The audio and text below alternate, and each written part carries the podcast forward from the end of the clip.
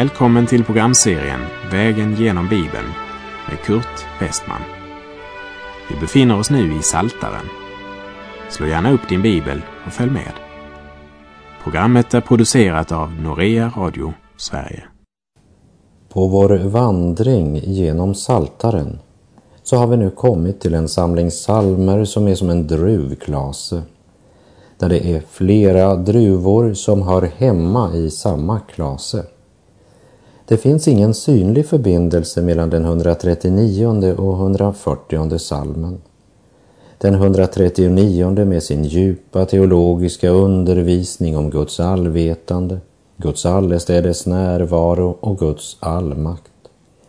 Men även om det inte finns någon synlig förbindelse mellan 139 och 140 salmen så är det viktigt att läsa de här salmerna sammanhängande. Och det är ingen tillfällighet att efter salmen som uppenbarat Guds allestädes närvaro och Guds allmakt, så kommer salmen som är ett rop från en jagad själ som är i yttersta nöd. Och även om den 140 salmen är en kort psalm så är det en psalm där tron och förtröstan strålar fram i underbart ljus. Salmen förmedlar andlig kunskap genom den klara beskrivning den ger av den ogudaktige och av de snaror som det ogudaktiga lägger ut för Guds barn. Och vi möter därefter en själ som helt förtröstar på Gud och salmen är högst aktuell i den tid vi nu lever i. Men innan vi vandrar genom den 140 salmen ska vi läsa Paulus ord ifrån Andra Thessalonikerbrevets andra kapitel, verserna 9 till och med 12 och ifrån Johannes första brev, kapitel 2, verserna 15 till 18 och så ha de båda orden i våra tankar när vi vandrar genom psalm 140. Vi läser Andra Thessalonikerbrevet 2, verserna 9 till och med 12. Den laglöses ankomst är ett verk av Satan och sker med stor kraft, med lögnens alla tecken och under och med all slags orättfärdighet som bedrar dem som går förlorade, eftersom de inte tog emot sanningen och älskade den så att de kunde bli frälsta. Därför sände Gud en kraftig villfarelse över dem så att de tror på lögnen och blir dömda. Alla dessa som inte har trott på sanningen utan njut riktigt av orättfärdigheten.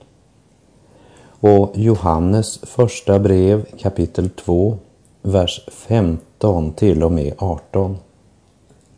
Älska inte världen, inte heller det som är i världen. Om någon älskar världen finns inte Faderns kärlek i honom. Ty allt som finns i världen, köttets begär och ögonens begär och högmod över livets goda, det kommer inte från Fadern utan från världen. Och världen och dess begär förgår, men den som gör Guds vilja förblir i evighet. Kära barn, den sista tiden är här. Och liksom ni har hört att Antikrist skall komma så har redan nu många antikrister trätt fram. Av detta förstår vi att den sista tiden har kommit. Och med den bakgrunden så är vi redo att ta de första stegen genom psalm 140 och vi läser vers 1 till och med 4. För sångmästaren en psalm av David. Rädda mig, Herre, från onda människor. Bevara mig för våldsmän, för dem som tänker ut ont i sina hjärtan och dagligen gaddar sig samman till strid. De vässar sina tungor som ormar, huggormsgift är inom deras läppar sela. Salmen beskriver Davids känslor när han får höra om att kung Sauls soldater på nytt har brutit upp från lägret för att förfölja honom. Och när vi nu kommer till psalm 141 får vi höra vad han känner vid den tidpunkt då dessa fiender rycker allt närmare. Det talar om de krafter och den fiendskap som rasar mot Herrens mode och hans vänner och som vi som lever i ändetiden kommer att märka allt tydligare ju längre tiden går. Den 140 salmen är ett rop från en jagad själ som ansätts hårt av fienden, jagas, hånas och förföljs. Rädda mig, Herre, från onda människor. Bevara mig för våldsmän. Här går våra tankar till en sättning i den bön som Herren själv har lärt oss bedja. Fräls oss från det onda. David vill inte i egen kraft jäcka fiendens list. När ondskan rasar emot honom vänder han sig till den ende som är god och ber honom bevara honom för våldsmännen. De vässar sina tungor som ormar, säger han. När vi tänker på ormens snabba tungrörelser så får vi en aning av hur snabbt och ivrigt de talade lögnens sak. Tänk hur tungan kan förstöra en mans rykte på kort tid. Vi läser Saltaren 140, vers 5 och 6. Bevara mig, Herre, för de ogudaktigas händer. Skydda mig för våldsmän som tänker ut planer för att bringa mig på fall. Stolta människor lägger ut snaror och garn för mig. De breder ut nät invid vägens kant. Giller sätter det ut för mig sela. De tänker ut planer för att bringa mig på fall. Det vill säga, de gör allt de kan för att tillintetgöra trons grundvalar och för att hindra sanningens budskap och för att stoppa sanningens budbärare. Stolthet och högmod präglar sanningens motståndare. Stolta människor lägger ut snaror och garn för mig, säger salmisten. Och vi läser vidare verserna 7 till och med 9. Jag säger till Herren, du är min Gud. Lyssna, Herre, till mina böners ljud. Herre, Herre, du min starka hjälp. Du beskyddar mitt huvud på stridens dag. Tillåt inte, Herre, vad det onda begär.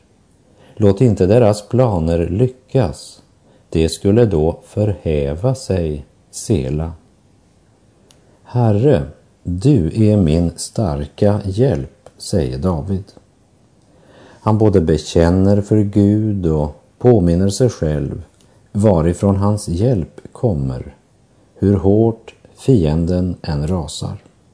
Allt vad David nu gör sker inför Herrens ansikte. Och det fyller honom med glädje och förtröstan. Därefter så ber han om att fiendens planer inte ska lyckas. Om de lyckas så kommer de bara att förhäva sig ännu mer. Han har sin tröst i denna verklighet.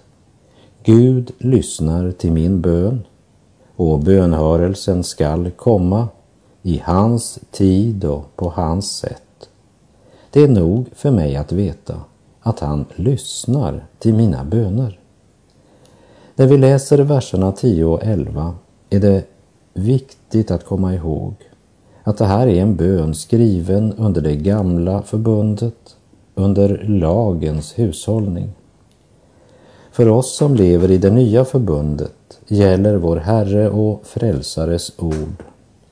Jag säger er, älska era ovänner och be för dem som förföljer er, som det står i Matteus 5.44.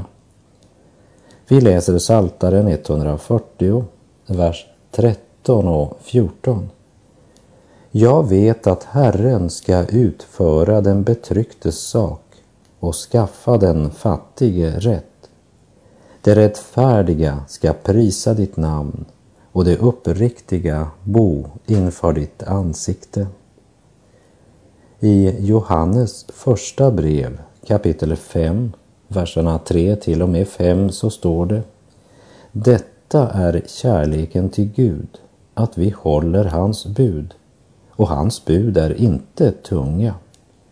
Ty allt det som är fött av Gud besegrar världen och detta är den seger som har besegrat världen, vår tro. Vem kan besegra världen utom den som tror att Jesus är Guds son? Egentligen så genomstrålas hela den här salmen av frimodighet och förtröstan mitt i en tid då fienden rasar vilt. I sitt brev till sin unga medarbetare Timoteus så skriver Paulus bland annat Jag vet på vem jag tror och jag är övertygad om att det står i hans makt att till den dagen bevara det som har blivit anförtrott åt mig. Jag vet att Herren skall utföra den betrycktes sak, säger David. Hebreerbrevet 11.1 säger Tron är en övertygelse om det man hoppas, en visshet om det man inte ser.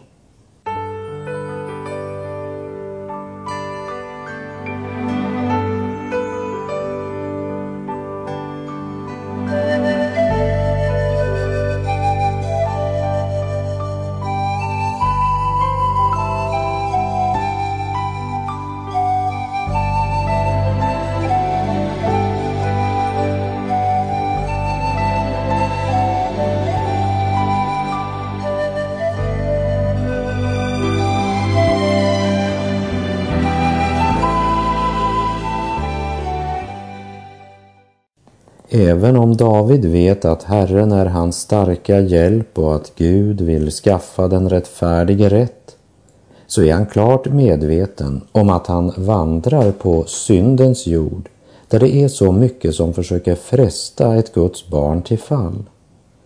Så följer den 141 salmen naturligt efter psalm 140 eftersom psalm 141 är en bön om hjälp mot frestelser.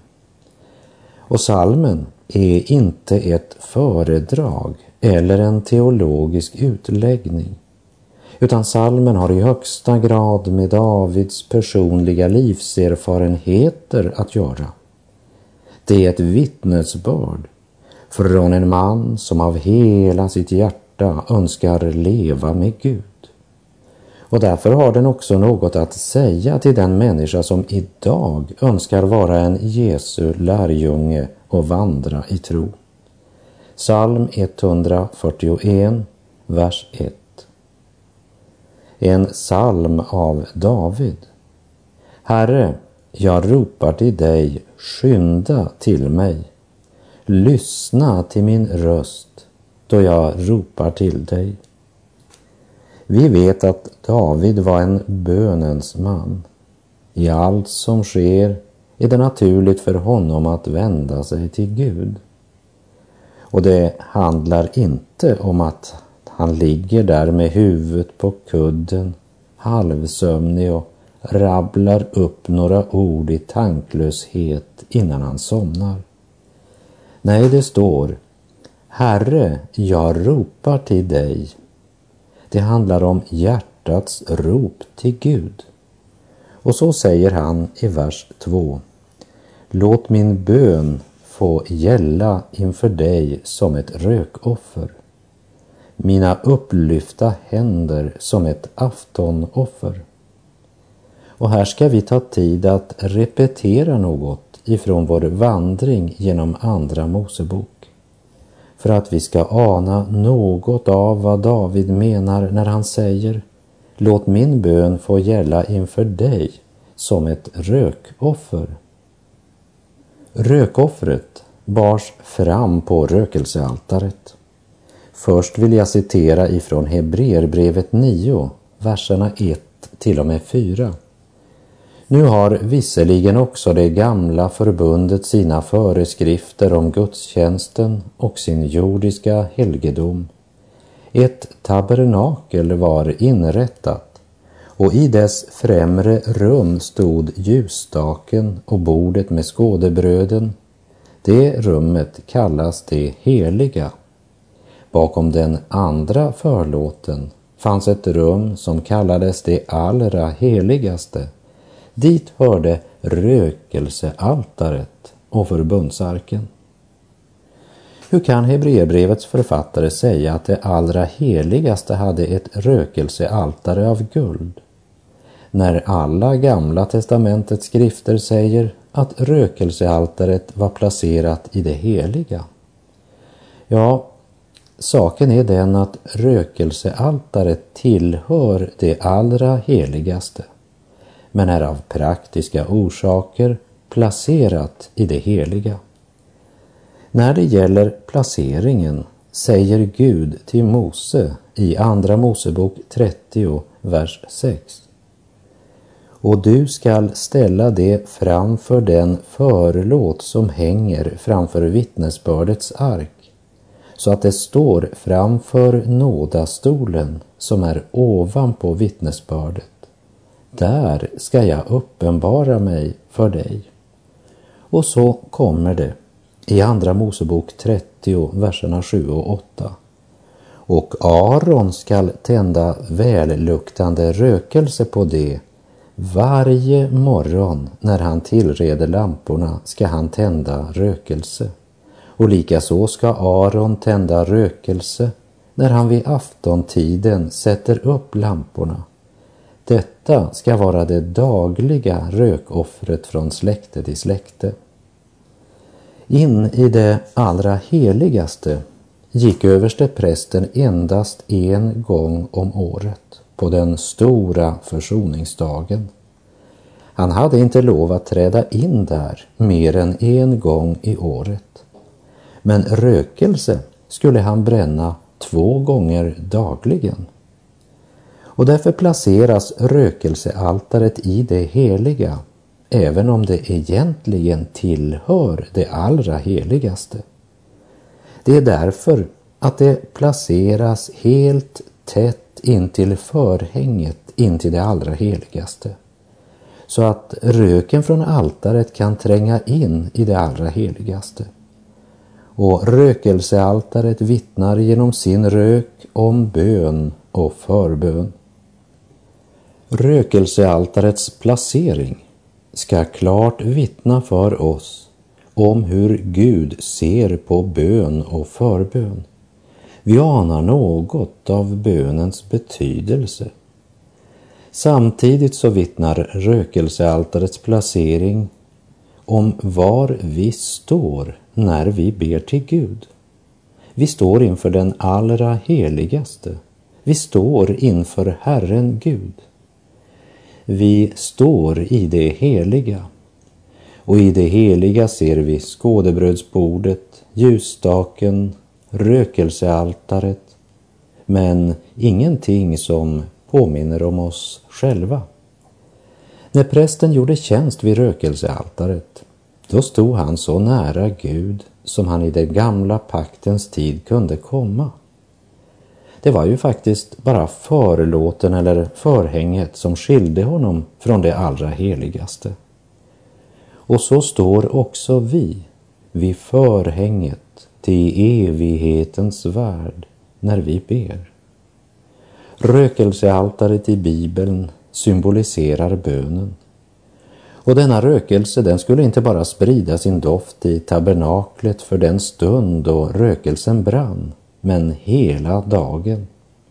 Det var därför tabernaklet var konstruerat så att det inte fanns någon öppning i taket eller på sidorna där röken kunde komma ut. För röken skulle ligga kvar i tabernaklet. När du reser dig upp från din bönestund så upphör inte bönens verkan i himlen, som är Guds fullkomliga tabernakel. Men likt röken från rökelsealtaret som låg kvar utöver dagen i tabernaklet, så ligger också din bön inför Herrens ansikte, också efter att du avslutat din bön. O, om du kunde få nåd att ana något av denna hemlighet. Då skulle du förstå vad David menar då han i den 141 salmens två första verser säger Herre, jag ropar till dig, skynda till mig. Låt min bön få gälla inför dig som ett rökoffer, mina upplyfta händer som ett aftonoffer. Och i Johannes evangeliets fjortonde kapitel, verserna 14 till och med 17, så säger Jesus Om ni ber om något i mitt namn skall jag göra det. Om ni älskar mig håller ni fast vid mina bud. Och jag ska be Fadern och han ska ge er en annan hjälpare som alltid ska vara hos er, sanningens ande som världen inte kan ta emot. Ty världen ser honom inte och känner honom inte. Ni känner honom eftersom han förblir hos er och skall vara i er. Och vi ber med David, Herre, låt också min bön få gälla inför dig som ett rökoffer. Vi läser psalm 141, vers 3. Sätt, Herre, en vakt för min mun. Bevaka mina läppars dörr. Herre, med min mun har jag ju format ord till bön och tillbedjan, till tack och lovprisning. Hjälp mig, Herre, så att jag inte med samma mun tjänar synden lögnen och högmodet. Jakob skriver i Jakobs brev kapitel 3, verserna 8 till och med 11. Men tungan kan ingen människa tämja, ostyrig och ond som den är och full av dödligt gift. Med den välsignar vi Herren och Fadern och med den förbannar vi människorna som är skapade till Guds avbild. Från samma mun kommer välsignelse och förbannelse. Så får det inte vara, mina bröder. Inte kan väl en källa från samma åder ge både sött och bittert vatten. David lever i Guds ljus och därför är han också fullt klar över hur allvarligt och viktigt det är med det vi säger. Han känner sig själv och vet hur lätt han kan säga något som han inte borde ha sagt. Samtidigt leder den erfarenheten honom inte till resignation, utan den leder till bön. Ja, till en mycket konkret bön. Sätt, Herre, en vakt för min mun. Bevaka mina läppars dörr. Och vi läser vers 4. Låt inte mitt hjärta vika av till något ont, till att ta del i de ogudaktiga gärningar tillsammans med män som gör orätt. Av deras läckerheter vill jag inte äta. Jesus lärde sina lärjungar att bedja, inled oss inte i frestelse utan fräls oss från det onda. Det är många som lever inte bara i världen men också av världen och av allt som finns i världen. Köttets begär och ögonens begär och högmod över jordisk rikedom och makt. berömmelse, personlig vinning. Kort sagt, allt det som inte kommer från Fadern utan från världen. Man har inte bara båten i vattnet, men man har vattnet i båten. David, han har genom personligt nederlag och stor smärta lärt känna sitt eget hjärta. Därför ropar han till Gud, låt inte mitt hjärta vika av till något ont, till att ta del i ogudaktiga gärningar. Vi minns att i den första salmen i Saltaren var temat två vägar eller människans eviga slutdestination. Och där talades om både ett nekande och ett jakande, det vill säga vad ett Guds barn inte gör och vad han gör. Det har med vår vilja att göra. Vi måste bestämma oss för vad som ska forma våra liv och vår karaktär. Vad vi fyller oss med, vad vi väljer att lyssna till, vem vi väljer att umgås med. Vi sitter inte där bespottare sitter, så att vi inte leds till att ta del i de gärningar som är så naturliga för det ogudaktiga. Hör vad David ber.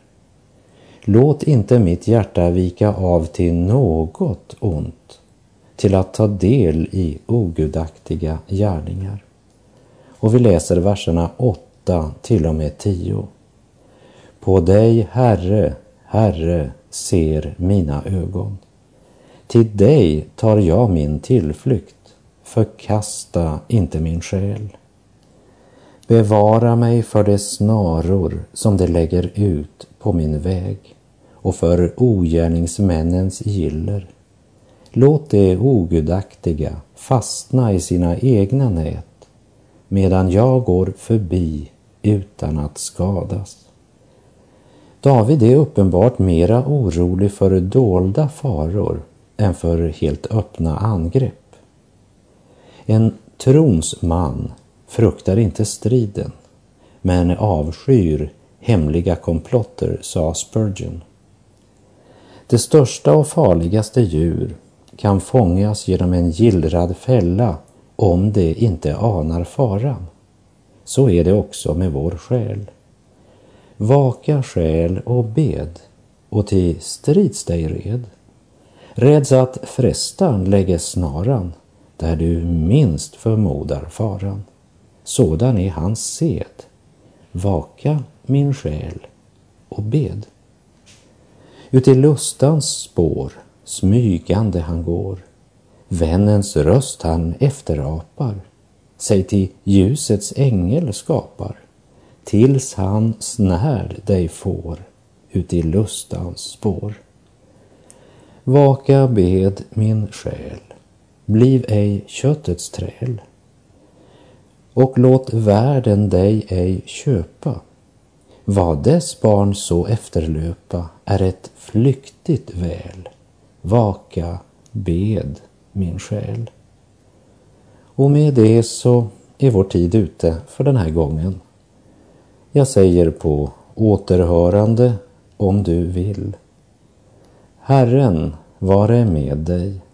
Må hans välsignelse vila över dig. Gud är god.